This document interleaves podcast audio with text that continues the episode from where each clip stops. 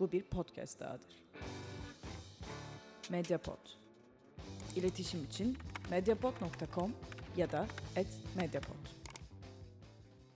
Tarih Sinema'nın yeni bölümüne karşınızdayız. Grave of the Fireflies'ı konuşacağız dedik. Ee, ve sizler seçtiniz.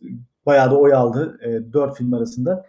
Ee, önümüzdeki haftanın filmini de belirleme konusunda Anıl biraz faşizan bir tavır sergiliyor ama programın ilerleyen dakikalarında sizlerin mesajına göre e, belki tavrımızı değiştirir. Ama önümüzdeki hafta seçtiğimiz film de biraz böyle modunuzu yükseltecek, eğleneceğiniz ve az bilinen film. Aslında bizim tarih sinemada yola çıkış sebeplerimizden biri olan bir türe hitap ediyor tam olarak. E, Josh Radnor'ın başrolünde olduğu bir film. Ee, şey bu arada esasında Amerika'da bayağı izlenmiş de Türkiye'de pek bilinmiyor anladığım kadarıyla. Belki de e, kendisini Hawaii Meteor Mother'dan tanırsınız diyelim ve başlayalım. Grave of Fireflies. Önce filme şöyle bir genel hatlarıyla gidelim. Anime türüne çok hakim olmadığımızı söyledik. Bugün zaten amacımız bu tür üzerine e, ahkam kesmek değil. Hiçbir programda da hiçbir tür üzerine ahkam kesmemekle birlikte söylediklerimiz tamamen şahsi ve kişisel fikirler ve böyle birazcık e, filmlere yaklaşımımız üzerine oluyor biliyorsunuz. E, önce genel hatlarıyla bir değerlendirelim. Yani ben filmi izlerken ne hissettim?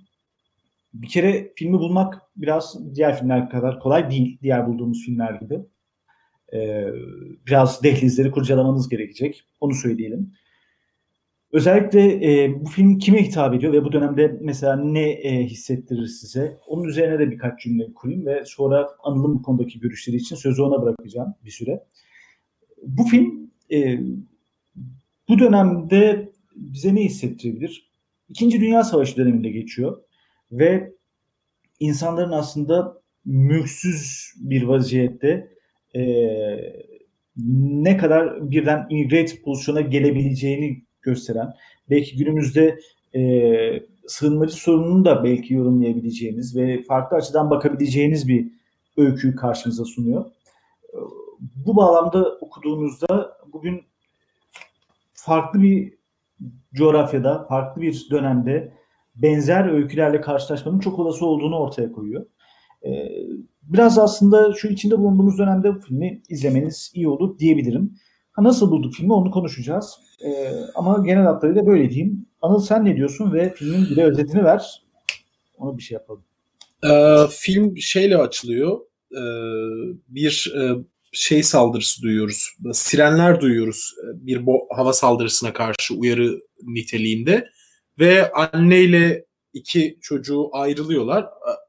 Orayı neden ayrıldıklarını da anlamadım. Sen anladıysan onu soracağım ama bitireyim şeyi özeti önce. Hı hı. Ve e, kendilerini işte korumak için bir sığınağa gidiyorlar. Hatta bir mağaraya gidiyorlardı galiba. Sonra annelerini kaybediyorlar. İşte anneleri yaralanmış şeyde e, evlerini kaybediyorlar ve teyzelerinin evine gidiyorlar önce. Bu arada ergenlik çağındaki bir oğlanla e, onun şeyi e, küçük kız kardeşinin hikayesi. Teyzelerinin evine gidiyorlar. Bir süre sonra sığıntı durumuna düştükleri için orada da tutunamıyorlar ve ikisi e, oradan ayrılıp kendi başlarına yaşamaya karar veriyorlar. Ve e, biz analiz yaptığımız için bizde spoiler olmaz. Biz bizim yani filmin her şeyini söylüyoruz. Filmin sonunda bu hayatı e, idame ettiremediklerini görüyoruz ve en sonunda kız e, yetersiz beslenmeden ölüyor. Evet. Filmin özeti böyle. Peki nasıl buldun genel hatlarıyla? Ee, yani çok öyle pek çok şeyi de beğenmedim ama onun artık detayına girmeye gerek yok bence. Yani filmi beğenmedim genel olarak. Orası öyle. Fakat ama gireceğiz zaten programda bol bol detayına gireceğiz. Yo tabii tabii deta- şey diyorum hani beğenmedi nasıl beğenmediğimi anlatmaya söylemeye gerek yok. Onun yerine beğenmedim bugünlük bu kadar. Onun yerine işte filmde ne gördük, e, ne yapmaya çalışmışlar bizce onları bence birazcık şey yapabiliriz. Ee, Bu arada hemen bir araya gireyim. Üstün yazmış. Ben YouTube'daki versiyonda alt yazı olacağını hiç düşünmediğim için bayağı bir aradım. Abi işte insanın niyeti kötü olunca önce torrent sitelerinde gezince alt yazı kayıyor falan. Hiç torrentte izlemem de. Hakikaten o dediğini ben de anlamadım. Ben de direkt filmin adını yazdım, torrent yazdım çıktı yani. Niye bu kadar? Ben torrent'te izlemedim ya abi. Ben artık alışkanlık olmuş. Bir şey Netflix'te yoksa bulmak da zor oluyor. Yaşlandık, boomer olduk. Söz yeniden sana bırakıyorum. Böldüm. Şimdi filmde ne gördük? Ee, ben şöyle düşünüyorum filmle ilgili. Bence şunu yapmaya çalışmışlar. Bilim kurgu filmlerinde genel olarak gördüğümüz insanlığı alıp başka bir koşullara, başka bir zamana, başka bir e, mekana bırakırsak insanlığa dair atfettiğimiz değerler, insanlığa dair atfettiğimiz pek çok şey hala hayatta kalır mı? Ee, bilim Hı hı. kurguların esas sorusu budur. Bence bu da ona benzer bir şey e, yap, yaratmaya çalışıyor. Burada da dikkat ettiysen esasında düşmanın kim olduğu, devletin o düşmanla ilişkisi vesaire gibi hiçbir şeye girmiyor. Sadece daha küçük bir yerde insanların yaşayışı ve bir dış tehdit karşısındaki davranışlarını e, anlatıyor. Hı hı. Dış tehdit arttıkça ve onun getirdiği ekonomik krizler arttıkça insanların ahlaki değerleri hala e, sürmeye devam edecek mi? Bence filmin sorguladığı şey bu. Filmin merkezine bir kız çocuğunu koymasının sebebi de bu. Ya kız olması önemli değil de işte bir çocuk koymasının sebebi de bu. Film esasında filmin değişmeyeni o. Yani bir deney gibi düşünürsek e, sınamak için koydukları şey çocuk savaş durumundan aslında hiç etkilenmiyor. Çocuk hala aynı şımarık çocuk. Hala e, daha böyle iyi zamanlarda yapılacak bir çocuğun yapacağı bütün şımarıklıkları yapıyor. O savaş durumu onu hiç büyütmüyor.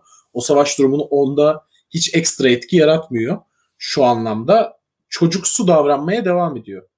Ve bir savaş koşulu altında biz hala çocuklara e, aynı şefkati, aynı özeni gösterebilir miyiz? Temasını sorguluyor bence ve abisi dışında, en yakın kardeşi dışında herkesin sabrını taşırdığını görüyoruz. En tabii cisimleştiren şey teyzesi ama mesela doktorun da aynı şekilde ilgilenmediğini görüyoruz ve esasında olağanüstü durumlarda ahlaki kodlarımızın çocuk gibi çok masum bir e, en çok masumluğan, ma, masumiyet atfettiğimiz e, toplumun parçasında bile çalışmadığını onu bile görmezden gelebileceğimizi anlatıyor bence film. Genel hatlarıyla böyle. Evet genel hatlarıyla böyle. E, katılıyorum sana. E, tabii burada özellikle vurgulamak gereken noktalardan biri aslında söylediğin mesajlar ve söylediğin tartışma denklem olarak ortaya e, konuşulması gereken bir hikaye çıkarıyor. E, yani mesela bu anlattığın bir katman getiriyor. Ama e, buna rağmen neden beğenmedin? Mesela anlattığın öyküyü herhangi birisine anlattığında bu söylediğini, filmin arayışını e, yani evet çocuk büyümüyor. Çocuğun değişimi üzerine değil aslında abisi Setsuko'ydu yanılmıyorsam ismi. E, onun değişimi üzerine birazcık daha bu iş e, Seita. Onun değişimi üzerine biraz daha bu iş gidiyor. E, ama bu anlatım mesela neden ilgini çekmedi bu haliyle? Yani veya E, nasıl başka anla- bir tür e, yani nasıl anlattığı noktasında zaten problem başlıyor. Başka bir tür olsaydı e, bunu beğenir miydin insanlar oynasaydı aynı öyküyü? E, ya da e, nesini beğenmedin bu kısmını? Ya fikirde bir problem yok ki. Fikir yani ilk defa yapılan bir fikir değil. Defalarca yapılmış bir şey. Bizim beğen, beğenimizi etkileyen şey e, onun nasıl ortaya konulduğu. E, burada ortaya konulan yöntemi sevmiyorum. Yani temel şeylerde bir kere yani dünyanın en itici veledi. Bu yani bu gerçekten ben onun kahkahalarına ve ağlayışına dayanamadım filmi izlerken ve gerçekliği de durumun gerçekliğini de bu kadar kavrayamaması da esasında birazcık gerçeklikten koparan bir En bozucu abi. ya bu kadar gerçekliği kavrayamaması bana işte bu tabii bu filmin gerçekçiliğinin bir parçası ama beni ikna etmedi. Yani ne kadar olursa olsun bir çocuk bu kadar meseleyi anlamayacak durumda değildir diye düşünüyorum. E, Hayat Güzeldir izlemiş miydin? İzledim. Mesela orada da uzunca bir süre çocuk hiçbir şekilde savaşı anlamıyordu. Ben o filmi maalesef çok hatırlamıyorum ya. Lisede izledim. Gerçekten çok aklımda kalmadı. Ama şeyden bahsediyorum. Mesela e, neydi o yedikleri şey? Lapa mı yiyorlardı? Yulaf mı Galiba. yiyorlardı? Bir şey. E, mesela Pirinçten laf. hayır ben daha da ya tamam hadi bunları kabul edeceğim ya. Tamam işte daha da pilav istiyorum falan ama e, ya o masumiyet çizdikleri masumiyet şeması bu çocuklara yükledikleri masumiyet bu çocuğa yükledikleri masumiyet meselesi beni ikna etmedi zaten baştan. Bence orada aksadı film. Hmm. Sen aslında e, filmden öte yani bu türden öte e, anlatıdaki çocuk tasviri seni ciddi rahatsız etmiş. Evet. E, Çünkü abi bir şey diyeceğim bak. daha- e, hadi birazcık spekülatif laf, laf sokmalı gidelim. Bunu sevip de aileyi sevmemenin hiçbir sebebi olamaz mesela bence. Bu filmi beğenip de aileyi beğenmemenin. Aynı tip çocuk. Hatta ailedeki çocuk daha efendi, sakin, uslu da tema benzer. Ha, aile mi? Ee, E, anlamadım. Aile aile Aile mi dedin, aile mi dedin? aile Ben aile aile. izlemedim. Yani benzer bir Hatta biz tema orada. aileye, aileye benziyor falan filan diye bir içimizden geçirdik de Aynen öyle aynı hikaye. ya. ya tabii çok farklı bir yandan başka bir abisi değil de başka birisi göz kulak oluyor. Ee, yüce gönüllü Türk askeri ee, kanatları altına alıyor ve filmde de bunu yeterince gösteremediklerini düşündükleri için bir Amerika'ya Amerikalıya da şey dedirtiyorlar. İşte Türkler böyle bir millettir falan dedirtiyorlar. Ee, şey açısından aynı geliyor bana Ayla'yla.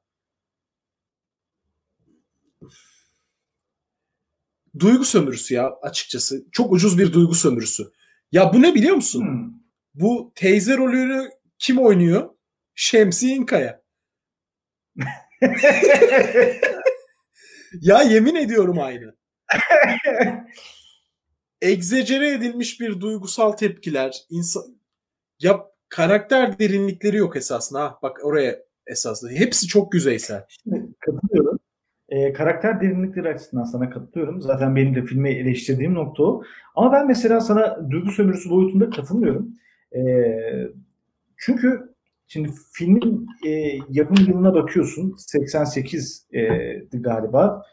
E, ve bir tarafta yapım noktası da e, Amerika e, menşeli dile getiriliyor. Şimdi 88 yılında yapılmış bir hikayeden bahsediyoruz. Aslında günümüz Hollywood kültüründe daha çok böyle e, savaşın e, daha hallaç pamuğu gibi atılıp e, biraz daha romantize edildiği filmler 90'dan sonra karşımıza daha fazla çıkmaya başladı. Oscar öykülerinde bu işler tutmaya başladıktan sonra özellikle Braveheart'tan sonra daha da arttı. Braveheart öyle bir film değildi, Gladiator de değildi de Dünya Savaşı. Ama bu Dünya Savaşı öykülerinin tuttuğu, savaş filmlerinin tuttuğu argümanları 95'lerden sonra daha karşımıza çıktı. Yani büyük Hollywood prodüksiyonları ve onların içine egzajere öyküler katma. Şimdi burada yapmaya çalıştığı şeyi ben aslında çok basic noktada, çok dar çerçevede tuttuğu için sevdim ama derinliğini sağlayamadığı için e, benim de eleştirilerim olacak. Yani çocuğun masumiyeti tartışılır. O konu e, ayrı bir boyut. Ama anlatmaya çalıştığı şey yani İkinci Dünya Savaşı dönemindesin. Tamam şeye katılıyorum mesela açılış sahnelerinden birisinde. Anne ne tarafa gitti ve niye o? Anne sığınağa gidiyor zannettim ben bu arada. Ya o niye Başka. ayrıldılar ben anlamadım. Evet orada niye ayrıldılar o bende de kopuk. Ee, anlayan varsa onu söyleyebilir. Şimdi oradan çıktılar e, ve evleri yok artık. Ev yıkıldı. Ee, ortada bir ev yok. Mülksüzleştiler. Kendilerini koruyacak bir yapı yok. Ee, sürekli alarmlar çalıyor. Sürekli bir şeyler bombalanıyor. Ve çocuk hiçbir zaman küçük ufaklık e, hiçbir zaman annesinin tam olarak öldüğünü zaten biraz ölümüyle yüzleşmesi üzerine kurulu denklemi var. Öldüğünü tam olarak anlayamıyor. Hatta ateş böceklerini gömmesinin sebebi de yani çocuk çok küçük. O çocuktan o gelişimi bu filmde beklemek e, diyorsun üç karakter var, değiş iki karakter var, değişmeyeceklerse niye varlar? Neden bu karakterin öyküsü anlatılıyor? Ama bu e, bence aracı olarak e, var olan bir karakter. Ya isimlerini karıştırıyor olabilirim bu arada. Setsuko yani küçük kız çocuğu Seitan'ın gelişimine katkı sağlayan bir karakter gibi geliyor bana. Ben öyle olduğunu düşünüyorum. Ben de gene o- haklısın ama bir o var bir de işte e, o bir e, bağımsız değişken gibi kullanılmış bence. Çünkü çocuğun masumiyeti evrensel olarak kabul edilebilir bir şey ve bir deney yapıyoruz. Hı hı. Savaş öncesi ya da savaşın başlarındaki dönem savaşın iyice zorlaştığı dönem. Ve o ikisi arasındaki yenge üzerinden özellikle yenge değil pardon teyze üzerinden özellikle şeyi gösteriyor bize. Baştaki zamandaki aynı çocuğa tepkileriyle sondaki zamanları. Yani ahlaki bir çöküş yaşadığını gösteriyor bir yandan. Evet. Ya benim Ee, mesela egzajere çocuk olması yani bir tarafı çocuğu- şuydu. çocuğun karakterinin gelişmemesinde o yüzden bence bir problem yok. Ee, tam da zaten çocuk sabit kalsın diye bütün film boyunca onun aynı yerde kullanıldığını düşünüyorum. Diğer şeyleri gösterebilmek için. Ama zaten hikayenin burası bittikten sonra bunlar mesela yengenin evinden taşındıktan sonra konunun konu iyice kopuyor bence. O artık anlatın yani eğer doğru anladıysam ilk söylediğim şeyi anlatının şehvetine kapılıp hikayeyi devam ettirme meselesine gidiyor. Şey vardı. Neydi o filmin adı ya? Loveless. Ee, bu Leviathan'ı yapan yönetmenin diğer filmi. Leviathan çok güzeldi bu arada onda. Ha o adamın ikinci filmi. Bak o film de güzel. ikinci film de güzel ama e, şöyle bir problem var. Şimdi çocukları kayboluyor. Çocukların kaybolmasının esasında çiftin çocukla olan ilişkisiyle bir alakası var ve ana hikaye o. Fakat çocuk kaybolduğu için bir yerde şeyi kaybediyoruz ve uzun uzun arama ekiplerinin çocuğu bulmaya çalıştığı sahneleri izliyoruz. Artık filmin ana anlatmak istediği şeyden koptuğu anlar var. Birazcık aksayan anlar. Burada da e, artık şeyleri izlemeye başlıyoruz. Yemek yaptılar.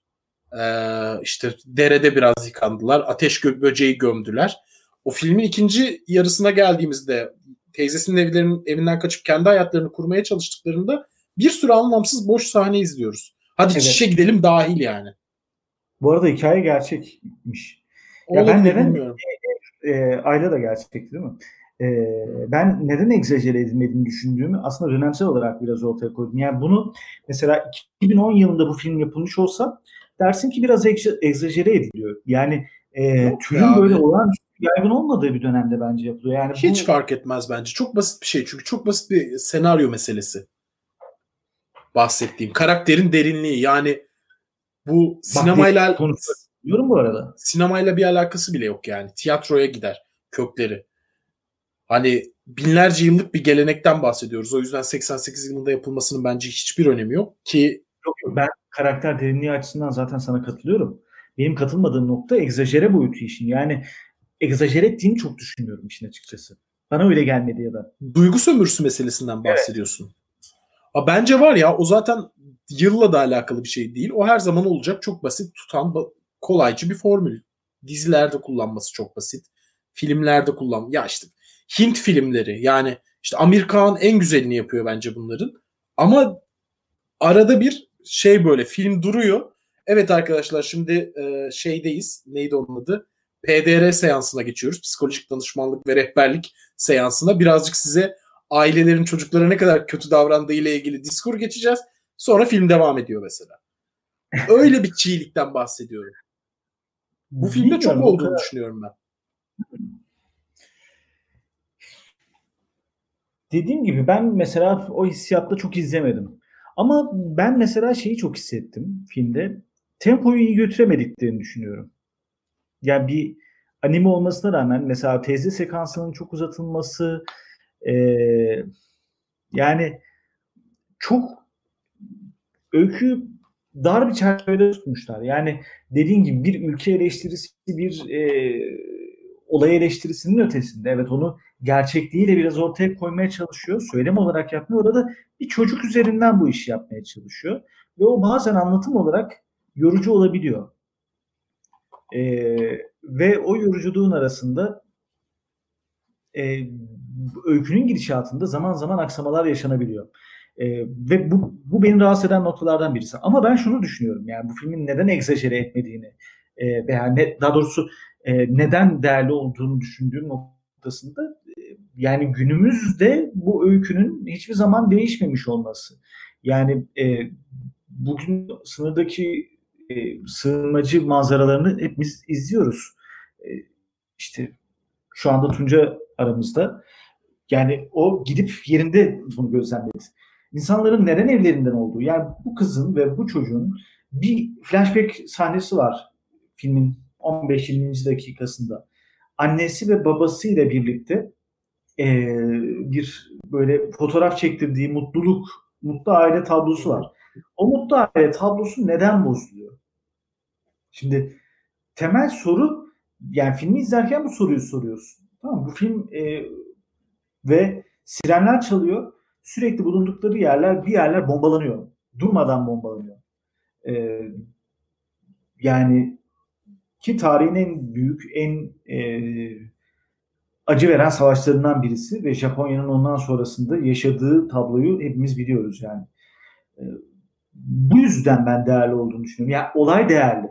E, anlattığı öykü değerli olduğunu düşünüyorum. Bunun anlatımında problemler var. E, ona da katılıyorum ve bazen gerçekten mesela teyze sahnesi çok uzadı.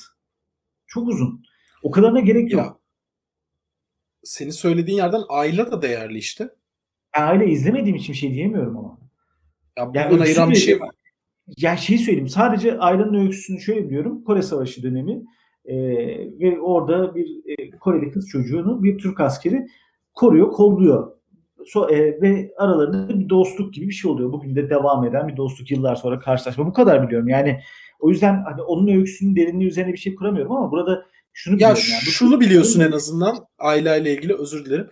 Ee, işte yapımcısının tutabileceğini düşündüğü şeylerle ilgili hızlı bir şekilde karar alıp jet senaryolar ve jet film çekimleri. Yani mesela Naim ölür ölmez Naim filmi hazırlığına girişmesi gibi. öyküsünün yapım bir argüman var biliyorsun. E tamam niye var o işte? Yani piyasadaki insanları çekeceğini bildiği tamamen ticarethane gibi gören film yapımcılığı. Şimdi bu filmi Ayla'dan ayıran ne? Bence öyle yüksek bir sanatı bir şey de yok. O zaman ben koyamıyorum. O egzecere değil diyorsun ya.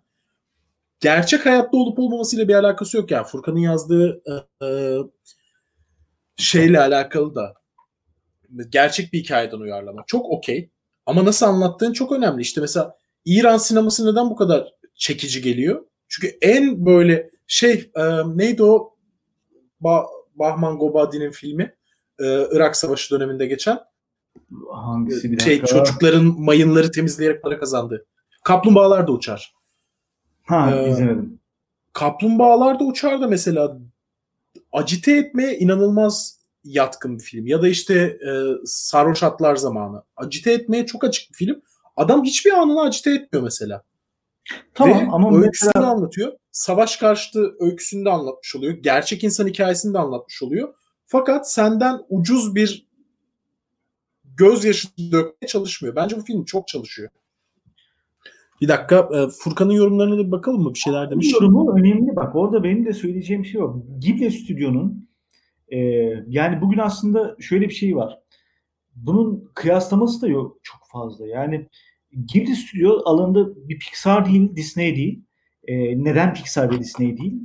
Pixar ve Disney yani tabii ki bir yapımcının nihai amacı, bir organizasyonun nihai amacı e, şirketin para kazanmak mutlaka ki bir yerinde var bu işin. Ama e, bu ekip tür olarak zaten böyle aman gişe filmi yapayım, egzajere işler yapayım, e, işte sinemaları full çektireyim. Zaten biraz aslında evet bu eser sanatsal açıdan yani olağanüstü tatmin etmedi beni. Ama bir art house değiller de bir blockbuster firması değil gibi de. Yani o yüzden ben mesela e, Bak ben anlattığım şey tica şey belki örneğim o yüzden yanlış anlatıldı. Doğrudan ticari bir ilişkiden bahsetmiyorum. O yüzden e, onu açıklayayım daha şey.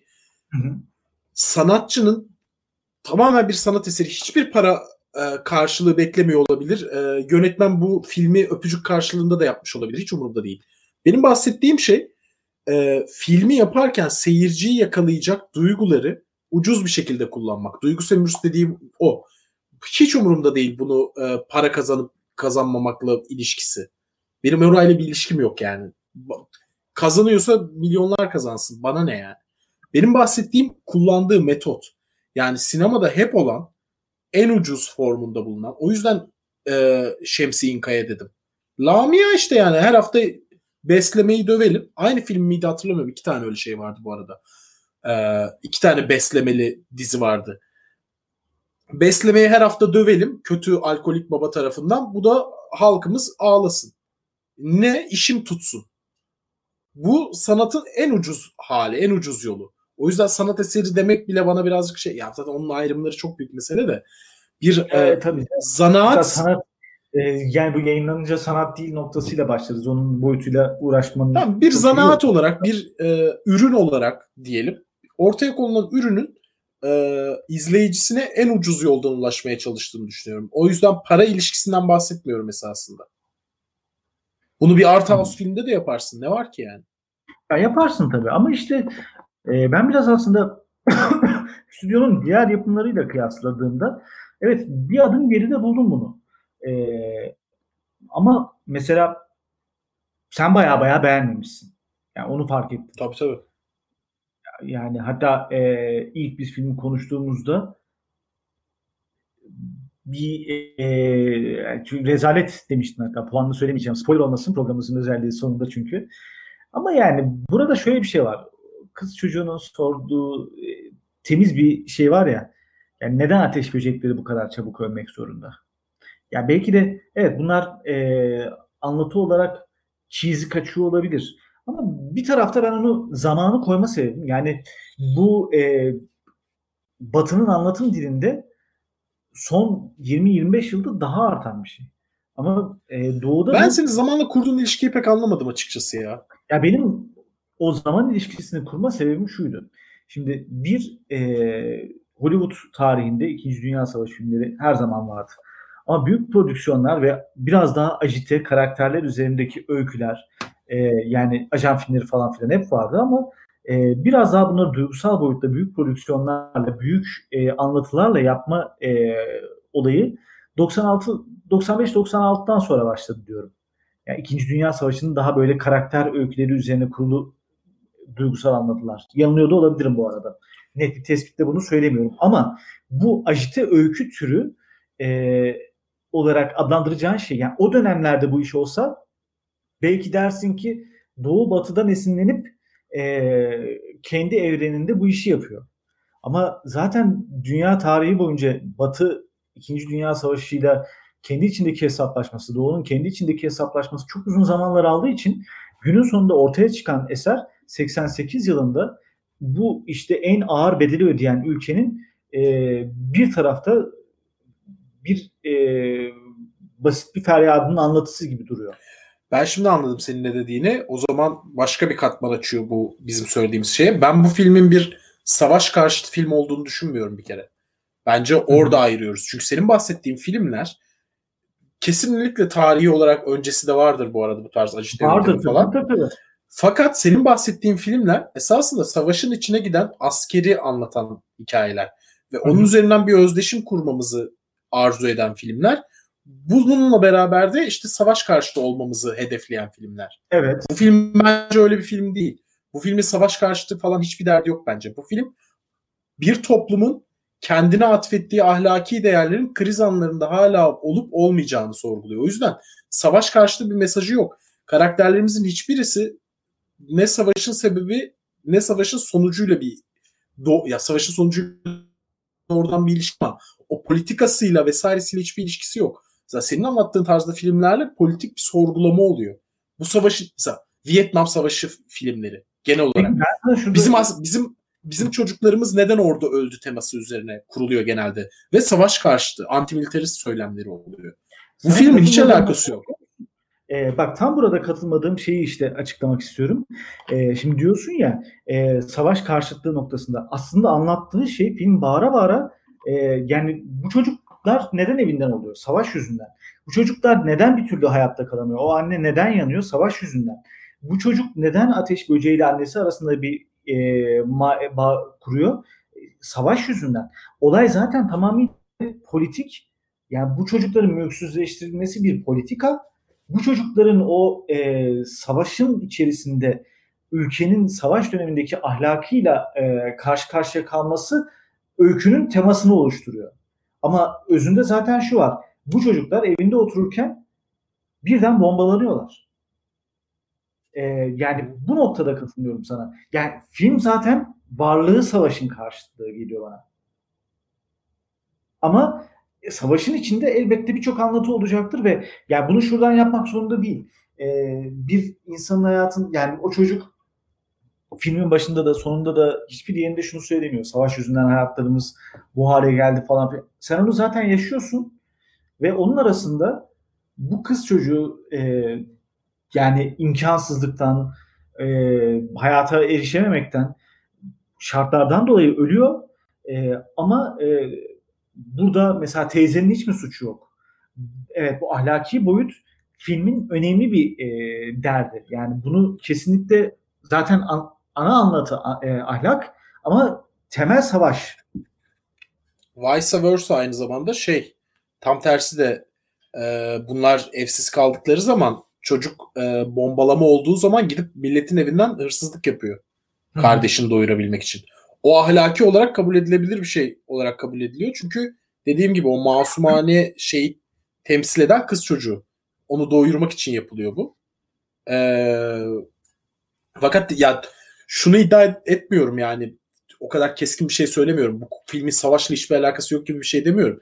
Tabii ki etkileri var ama filmin merkezi olduğunu düşünmüyorum. Savaşla ilişki sadece yukarıdan düşen bombalar filmde. Bu aynı zamanda bana mesela Jaws'a benziyor mesela. Ya da Jaws nasıl okunuyorsa. Bir tehlike bizi tehdit etmekte. Bence Hı. savaşın kullanımı bununla sınırlı. Buradan savaş karşıtı mesajlara falan kendini e, şey yapmıyor film. Çıkartmıyor. Bununla ilgilendiğini de düşünmüyorum. Sadece kriz anlarında biz hala kendimize atfettiğimiz yüksek değerleri koruyabilecek bir toplum muyuz değil miyiz bunu sorguluyor bence. Ee, istersen biraz yorumlara da bakalım bu arada. Biraz yorum geldi. Evet evet özellikle senin söylediklerine katılmıyor izleyicilerimiz.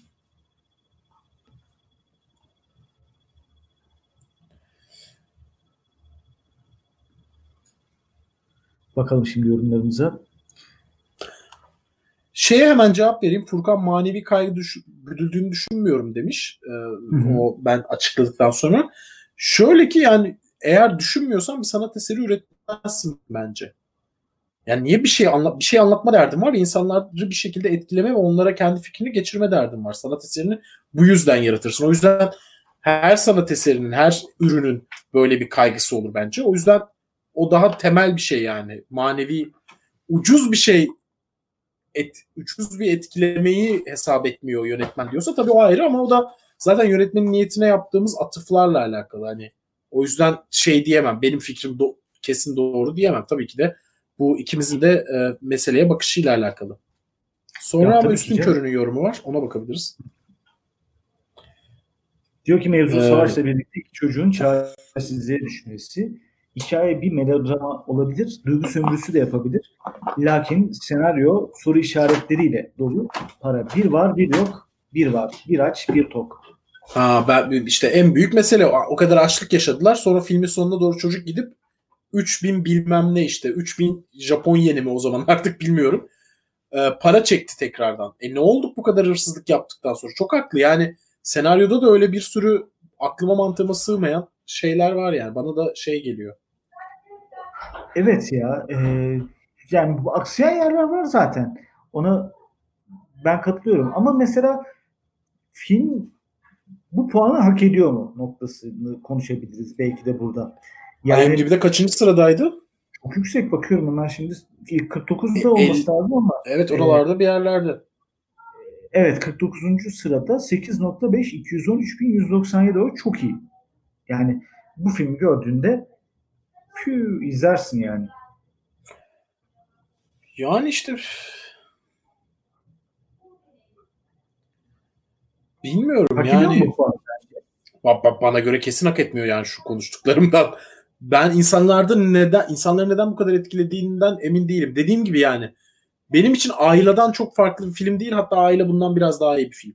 O kadar Sen söyleyeyim. insanlığını kaybetmişsin kardeşim. Abi yani bende hiçbir şey yaratmadı gerçekten ya. Şey Allah Allah. çocukla şu velet zaten beni velet her şey kötülüğü hak ediyor. Teyzenin sonuna kadar yakın yanındayım. Ben, yani gerçekten çok ucuz geldi ya. Gerçekten bak bu az önce adını verdiğim iki Bahman Gobedi filmiyle izleyen varsa bir kıyaslasın kafasında. Orada da çok acıklı çocuk hikayeleri var. Hiç böyle ucuz bir yere kaçmayıp çok güzel anlatıyor hikaye. Ve hikayenin kendisini Abi hikayenin kendisi bu kadar acı vericiyse senin onu acite etmene gerek yok. Burada çok acite ediyorlar.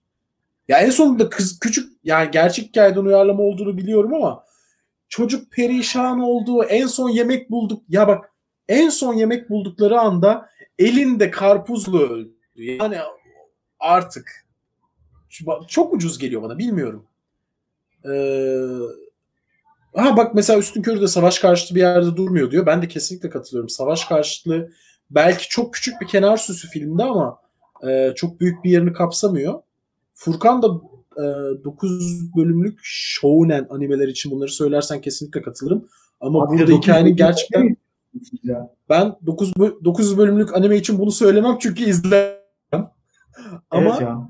ya şey diyor hikayenin gerçekten yapımcısına dokunduğunu gösteriyor bana diyor. Ben de katılıyorum ama aynı zamanda Ayla'nın yapımcısına da Ayla'nın hikayesinin dokunduğunu düşünüyorum. O kadar da ticari ilişki olmayabilir yani. Ee, kamikaze uçak sen bunu hatırlıyor musun diğer soruyu ben hatırlamıyorum. Kamika- kamikaze uçağını gördüklerinde Ateş ateş böceğini demişler miydi çocuklar yanlış mı hatırlıyorum diyor. Ben hatırlamıyorum bunu olabilir. Ya özellikle ikinci izleyişimde per perişandım çünkü. Evet ya. Çok odak. Furkan'ın yorumunu alkışlıyorum. Sen Ayla'nın yapımcısını savundun. Savunmadım. Çıkar göster. Alçak herif. Ben öyle bir şey söyleme. Şey kamusal mizaha döndüm. Evet ya. Ben öyle bir şey söylediysem bu yayını bırakırım. Terk eder giderim. İspat et. İspat İspat et. Yorumlarda başka neler varmış ona bakıyorum da. Altan gelmiş. Tansu Bey buradaymış. Tunca buralarda biraz Ha, sessizliğe gömüldü kendisi. Tansu da burada burada. Bugün pek yorumda bulunmadı ama başka konuklarımız da var tabii. Yani bizim aslında bu anime ile ilgili söyleyeceklerimiz bu kadar. Ee, aşağı yukarı.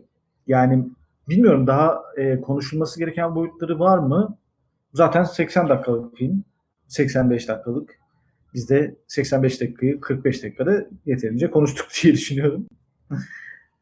Değil mi? Esasında 12. dakikada başladık da şey önemli değil tabii. Yani benim de daha fazla esasında söyleyeceğim çok fazla bir şey yok ama şey olan varsa tabii sorusu olan, yorumu olan varsa onları yazabilirler. Belki bir Evet. şey açar. Ee, bir filmle ilgili evet şimdi filmle ilgili bir kendi görüşlerinizi e, nasıl buldunuz genel hatlarıyla yazarsanız onun üzerine biraz konuşalım. İkincisi e, filme puanlarınızı yazarsanız ona mutlu oluruz. E, biz onları konuşurken film önerilerinize de açığız. E, haftanın filmini birazdan duyuracağız. Ben Ama- değilim ya film önerilerine açık falan. Niye açık değiliz?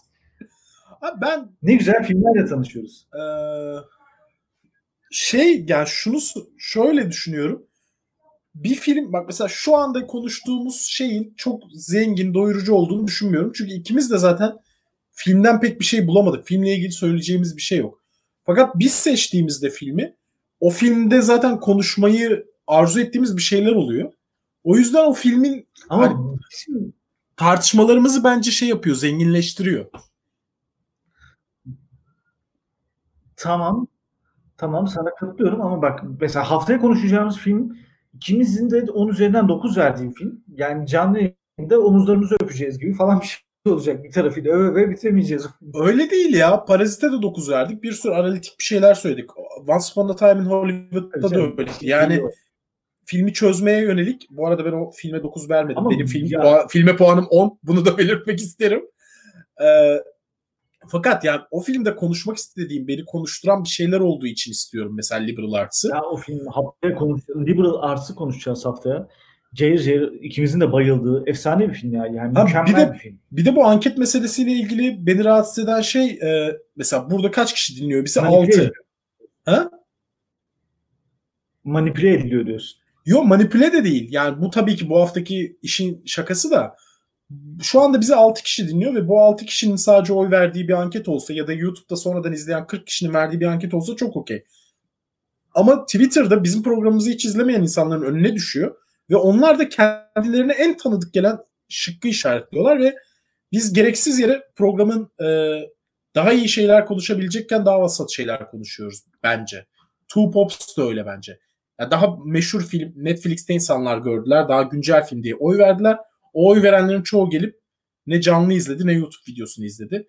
E biz bizi izlemeyen insanlara içerik üretmiş oluyoruz bence. Katılıyorum sana. Ee, bu yüzden artık Talih Sinema'da yeni bir döneme giriyoruz. Yine biz karar veriyoruz.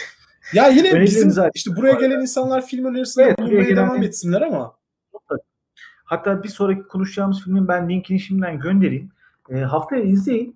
Haftaya cumartesi akşamı ki bunu muhtemelen iki saat falan konuşacağız biz bu filmi. Yani ikimizin de hayatında böyle ben Anıl sayesinde bu filmi e, gördüm. E,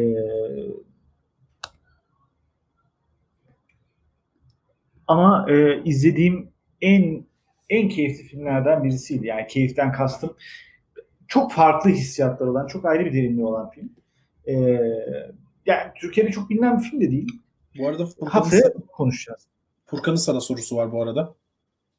Furkan'ın sorusunu yanıtlayacağım. Bu arada kişisel e, sizlerin yorumlarını da bekliyoruz. Şimdi e, Ha, Özür dilerim hemen geçeceğiz. Şey Üstün Körü'nün yorumuyla ilgili. Ee, onu Furkan koydurdu esasında seçenekleri. Furkan istediği için koyduk ama yine buradan insanların önerdiği şeyleri, buraya gelen insanların önerdiği şeyleri göz önünde bulundururuz. Ama Twitter'da bizim kitlemiz olmayan insanlara açmayalım artık. Benim fikrim o yani. Evet, e, burada katılımcılar da aynı şeyi düşünüyor. Liberal Arts çok güzel bir program olmasını bekliyorum. E, evet, ya biz koyuyoruz da ne yapalım koymak zorunda kaldık. Furkan Ya, zorladı bizi. Yani Furkan zorladı. Biz de dedik ki yani burada bir izleyicimiz bir şey istedi. En azından onu kırmayalım dedik. Ama e, Keşke kırsaymışız. keşke kırsaymışız yani. Evet Furkan'ın sorusunu okuyup cevapla istersen. Podcast'te de düşünüyorum. Sonradan göremeyecek insanlar çünkü soruları. evet, Okumadan cevaplıyoruz Ee, bazen. Şimdi soruları okuyup cevaplayalım. Ee, Furkan diyor ki Anıl zaten türü beğenmiyor. Sen nasıl buldun? Şimdi senin belki ufkun gelişler diye önermiş Furkan bak. Ben şöyle söyleyeyim. Ben izlediğim animelerde e, bilmiyorum Furkan programın başında var mıydı ama anime türüne Anıl'dan çok daha hakimim ama izlediğim film sayısı 10'dur. Anıl 10 tane film izlememiş bu türde. Ee, yani benimki e, anime 101 almışsam Anıl daha o dersi almamış. Ama ikimiz de bir şey bilmiyoruz bu konuda yani. Hani e, çıkıp ahkam başlarken zaten onu söyledik. Ahkam kesebilecek konumda değiliz. Ama benim izlediğim 5-6 Ghibli yapımı arasında e, bu arada hepsine 9-8 veriyorum izlediğim 5-6 filme. Bu en düşük puanı alan olacak. Onu söyleyeyim. Bu beğenmediğim anlamına gelmiyor bu arada. Ee, ama e, ben daha iyi bir anlatım dilinde problemler olduğunu düşünüyorum. Ee, filmin anlatım dilindeki problemler tempoya çok yansıyor. Ee, belli yerlerde ne izlediğini kaybediyorsun. Ee, karakter derinlikleri yeterince güçlü değil. İki karakterin var elinde ve bu karakterlerin derinliklerini bir türlü film sağlayamıyor. Ee, ama bu çok başarısız olduğu anlamına da gelmiyor bu arada. Ama anlattığı öyküyü ben çok değerli buluyorum. Ee, özellikle günümüzde hala geçerli olan problemler üzerinden kuruyor bu denge. E, hala bütün dünya üzerinde görüyoruz bunu. Önümüzdeki süreçte e, şeyi de göreceğiz. E, ilerleyen dönemde iklim krizi nedeniyle konunu değiştirecek çok insan göreceğiz. Çok fazla öykü göreceğiz. Şimdi Furkan'ın sorusuna e, daha net yanıt vereyim. Yanıtımı çok tatmin etmemiş. E, ben türü seviyorum. Bu türdeki derinliği olan öyküleri çok seviyorum. Özellikle Ghibli bu türde inanılmaz güzel bir dünya sunuyor.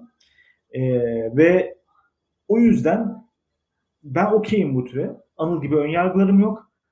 Ama e, bu birazcık daha o türde beni tatmin etmeyen bir yapım oldu. Öyle diyeyim. Umarım yanıt tatmin edici olmuştur. Ee, başka soru yok sanırım. Liberal Arts harika bir seçim demiş. Bence de. Benim e, Rocky'den sonra en sevdiğim film gerçekten. Ee, Beş Üstün ben Körü benim için bir Ömer Seyfettin hikayesiydi. 5 bölü 10 demiş. Sen Güzel. kaç verdin onun üzerinden onu? Ee, benim için Doğal de bir hangisi?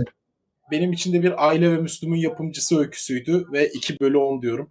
İki diyorsun. Çok düşük verdin İki, ya. iki. Çok Vallahi çok düşük verdin. Abi bize gelişi bir. Ya gerçekten Yani- bak bu filme bir vermememin sebebi Sinan Çetin filmleri falan izlemiş olmam. Yani çok daha Bu arada, kötülerini izlediğim e, için. Bu arada paylaşalım e, bir bilgi olarak. Hatırlarsınız Amerikalı kızı konuşmuştuk. Podcast'ini e, Spreaker'dan, Spotify'dan erişebilirsiniz. Aa, Amerikalı kızın e, filmlerinin e, müzikleri üzerine de değerlendirmede bulunmuştuk. Yayınımızı e, filmin müziklerini yapan e, kişi takip etmiş, izlemiş ve çok değerli yorum bıraktı. E, çok da keyif aldık yorumunu okurken. E, böyle bazen e, uç noktalara dokunabilmek bu programda keyif veriyor bizim açımızdan. Yani izleyenimiz bir avuç işte. E, bir elin parmaklarını geçmeyecek sayıda kişi izliyor ama e, yine bir yerlere dokunabiliyor demek ki. O filmin müzikleriyle ilgili bizi bilgilendirmişti. Hepsini kendileri yapmış. E, o yüzden çabalarını burada bir kez daha takdir edelim. Şimdi döneyim kendi puanıma. İki bence acımasızca. Ben açık söylüyorum. E, saygı duyuyorum. Ben e, 6'ya gittim, 5'e geldim. 6'ya gittim, 5'e geldim. 5'e daha yakınım diyeyim. Ama e, yani e, bu 5'i nasıl belirleyeyim, belirliyorum sana söyleyeyim. Mesela Ghibli olduğu için bunu 6'ya çekebilirim. O kadar 5'in uçlarını 5.4 falan gibi bir şey. 6'ya çekebilirim herhalde. Ee, o yüzden çok gidip geliyorum. Yani puanını falan henüz vermedim şeyde ama burada 5 5-6 arası diyeyim. 5'e daha yakın diyeyim. Ama e, ben mesela senin kadar acımasız ve kötü bulmadım filmi. ben ya filmin hiçbir sahnesinden keyif almadım gerçekten. O yüzden yapacak bir şey yok. Bu dediğim gibi anime türüne karşı ön yargılı olmamın da kesinlikle büyük bir etkisi vardır. Şu Ayla'ya 4 verdim mesela. Ayla'nın Ayla'nın da çok boş bir film olduğunu, pek çok yerinin boş olduğunu düşünüyorum ama türün far- değişmesi bile bir şeyleri değiştiriyor muhtemelen. Ee, o yüzden türün kendi bir bende düşürücü etkisi var. Onu itiraf ediyorum ama şeyden e, yalan söyleyemem yani. Hikayenin de türden çok çok zayıf olduğunu, anlatılış şeklinin, gerçek öykü olmasıyla falan ilgilenmiyorum dediğim gibi. Anlatılış şeklinin temelde işte hoş bir fikir olsa da o açıkladığım gibi kriz anlarındaki o toplumun ahlakını sorgulaması gibi bunu çok çok kötü yaptığını düşünüyorum. Bu arada bir ara konuşalım isterim. Bu çocuk ve masumiyet meselesini bence en iyi anlatan film, en iyi kullanan film diye daha doğrusu Who Can Kill a Child. Bir ara hatta sana söylemiştim yanlış hatırlamıyorsam yapsak mı diye. Ee, bir İspanyol filmi, çok düşük bütçeli bir film, bir İspanyol korku filmi, korku gerilim diyebiliriz belki. İnanılmaz bir hikaye. Bir arada onu gündemimize alalım diye düşünüyorum. Haftaya da e, liberal arts'ımızla e, burada olalım. Evet yani Liberal Arts'ı konuşacağız haftaya. Ee, Furkan kaç vermiş bu filmde? Furkan herhalde 10 verdi bu kadar. bu film Yok için bu filmin bu kadar PR'ını yaptığına göre. Ee, ya da yayını terk etmiş de olabilir şimdi bilemedim. Yok canım terk etmemiştir. Bakalım yayında mı? Yayındadır ya. Bu arada madem Furkan'ın yorumunu bekleyene kadar arkadaşlar bizim şu kanalları bir ara paylaşın kendi şeylerinizde bir Twitch'imize abone olmadıysanız YouTube'umuza abone olmadıysanız olun. Arkadaşlarınızı darlayın. Şeyiniz varsa e, ekşi sözlük hesabı olan arkadaşınız varsa darlayın bir şeyler yazsınlar. Evet Bunları ya. yapalım birazcık PR çalışmamız yapılsın. Evet Biz ya. de su yakmıyoruz. Yani bu arada e, program hakkında şeyi konuşalım. Bu, bu, bu hakikaten çok dar bir kesime hitap ediyoruz. E, izleyen sayısı kısıtlı. Yani zaten çok popüler olma ve benzeri bir kaygıyla bunu yapmıyoruz. Ama bilmiyorum en azından izleyenler keyif alıyordur diye ümit ediyorum. Yani boş boşuna e, biz vaktimizi harcadığımızı düşünmüyorum. Birkaç kişi de olsak biz böyle devam edeceğiz. Ama e, tabii şey bazen reaksiyon bekliyor insan. Tabii yani birazcık insanlardan geri dönüş almak daha motive edici olur. Ee, az insandan alınca yani biz burada iki kişiyiz, izleyen dört kişi olunca last kit'e dönüyoruz. Çeken 40 kişi, izleyen 20 kişi. Ee, o da bizi motive eder diye birazcık daha paylaşırsanız seviniriz. Ee, Furkan tür içinde 9 bölü 10 ama film olarak da 7,5 bölü 10 demiş. Ee, ilginç. Atıyorum odadan Furkan'ı. Şey güzel ama değil mi? Yani animenin e, genel sinema içerisinde o yeri kaplamadığını kabul etmiş oldu üstü örtük olarak. Animenin zayıf bir sinema formu olduğunu kabul ediyor ki hani biz şey deriz ya mesela ya Türk filmleri içerisinde 8 ama dünya sinemasında 6. Niye? Çünkü Türk sineması dünya sinemasından çok geride. Bence onu da öz, üstü kapalı olarak kabul etmiş oldu. Ağzına sağlık deyip hemen programı kapat.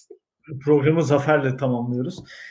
Öyle tarih sinemayı biz bu hafta da noktalayacağız ama e, bir iki noktayı daha belirtelim. Bu programı Cuma günü Mediapod'dan izleyebilirsiniz. Mediapod podcast ağından takip edebilirsiniz. Yine YouTube'dan videolarımızı paylaşacağız. Önümüzdeki hafta e, George Redner'ın hatta yönetmenliğini de kendisi yapmıştı diye hatırlıyorum. Senaryo da onun. Senaryo da ona ait. Elizabeth Olsen'la Zac Efron'la oynadığı Liberal Arts adlı harika bir filmi konuşacağız. Ee, bu hafta evlerdeyiz zaten. Yani hepimiz evden çalışıyoruz. Evden işimizi gücümüzü hallediyoruz. Ee, bu süreçte filmi izleyip daha böyle keyif alarak e, biz de konuşacağız ama e, şunu da söyleyeyim. Gönül ister ki yani vaktimiz olsun haftada 3 yapalım falan ama e, haftada bir kere cumartesi bu süreçte olacağız. Sonra ilerleyen dönemde yeniden sosyalleşmeye başladığımızda iki haftada bir oluruz. Siz de her cumartesinizi bize ayırmazsınız ama eminim ki daha iyi bir planınız yoktur. Ne yapacaksınız yani evde oturup başka bir şey izleyeceksiniz, film izleyeceksiniz. Bak ne güzel 9'da başladık, onu çeyrek geçe bitiriyoruz. Şimdi otursanız 90 dakikalık bir film izler, 100 dakikalık film izler, 12 gibi de yatarsınız. Mis gibi hayat, tertemiz. Yalvarmaya girer bundan sonrası hemen kapat yayını. Kapatalım değil mi artık ya? Allah aşkına izleyin şunu ya. her hafta her hafta. Siz Abdülhamit'i savundunuz. Bu da şey gibi böyle. e, 30 kişilik sınıfa 4 öğrenci gelir de hoca gelenleri fırçalar ya. Ulan halbuki gelmeyenlerin suçu. Gelenler fırça yer gereksiz yer ona da benzedi. Furkan'cığım teşekkür ediyoruz. Önerdiğin için de gelip dinlediğin için de gerçekten hani bütün şakalar bir yana. Yani e, evet güzeldi ya. İyi, iyi bir deneyim oldu. Böyle farklı filmler izlemek ya aslında liberal arts konusunda ben şunu da söyleyeyim noktalamadan. Yani e, izlediğim bir filmi bir daha izleyip üzerine konuşmak e, çok cezbe yani ben şunu tercih ediyorum genelde. Neden halka soralım diyorum. Hakikaten böyle çok abuk filmler de çıkabilir. Başka şeyler de çıkabilir ama yeni bir şey izliyorsun ya. e, yeni bir dünya keşfediyorsun. Onu e, biraz aslında e, an, o da çok keyif veriyor. Ya ben mesela şeyde Tatar Çölü'nü çok kötü bir filmdi ama benim onu ben onu izlemek istiyordum. Ee, izlediğime de pişman oldum. Seçtiğime de pişman oldum ama Abi git evinde izle ya. Yani burası. beni niye davet ediyorsun? Ya şöyle istersen ben sana senin daha önce izlemediğin filmleri önereyim. Böylece hani sen hem sana dünya açılsın hem de şey. Ama e, ne diyecektim? Ah kafam karıştı vallahi son dakikada. Bunu çok yapıyorum. E, şey ben buraya da konuştuğumuz her filmi iki defa izliyorum. Çünkü ilkinde filmde bir duygu yakalıyorsun. ikincide filmi analiz edebiliyorsun. Neyi görmen gerektiğini düşünüyorsun bence. O yüzden e, yenidense izlediklerimizi tekrar izlemek bence daha böyle zenginleştirebiliyor. Olabilir. Ee, ondan sonraki hafta için önerilerinizi siz de düşünürsünüz katılanlar. Haftaya bu filmi izleyin. Ee, burada daha keyifli konuşuruz. Hepinize katıldığınız için teşekkür ederiz. Tarih sinemayı bugünlük de noktalıyoruz. Görüşmek Onun üzere. ağzına sağlık. Görüşürüz. İyi bir hafta geçirin. Ee, bizi izlemeye devam edin. Hoşçakalın. Medyapod'un podcastlerine Spotify, Google Podcast, iTunes ve Spreaker üzerinden ulaşabilirsiniz. Medyapod'u desteklemek için patreon.com slash medyapod.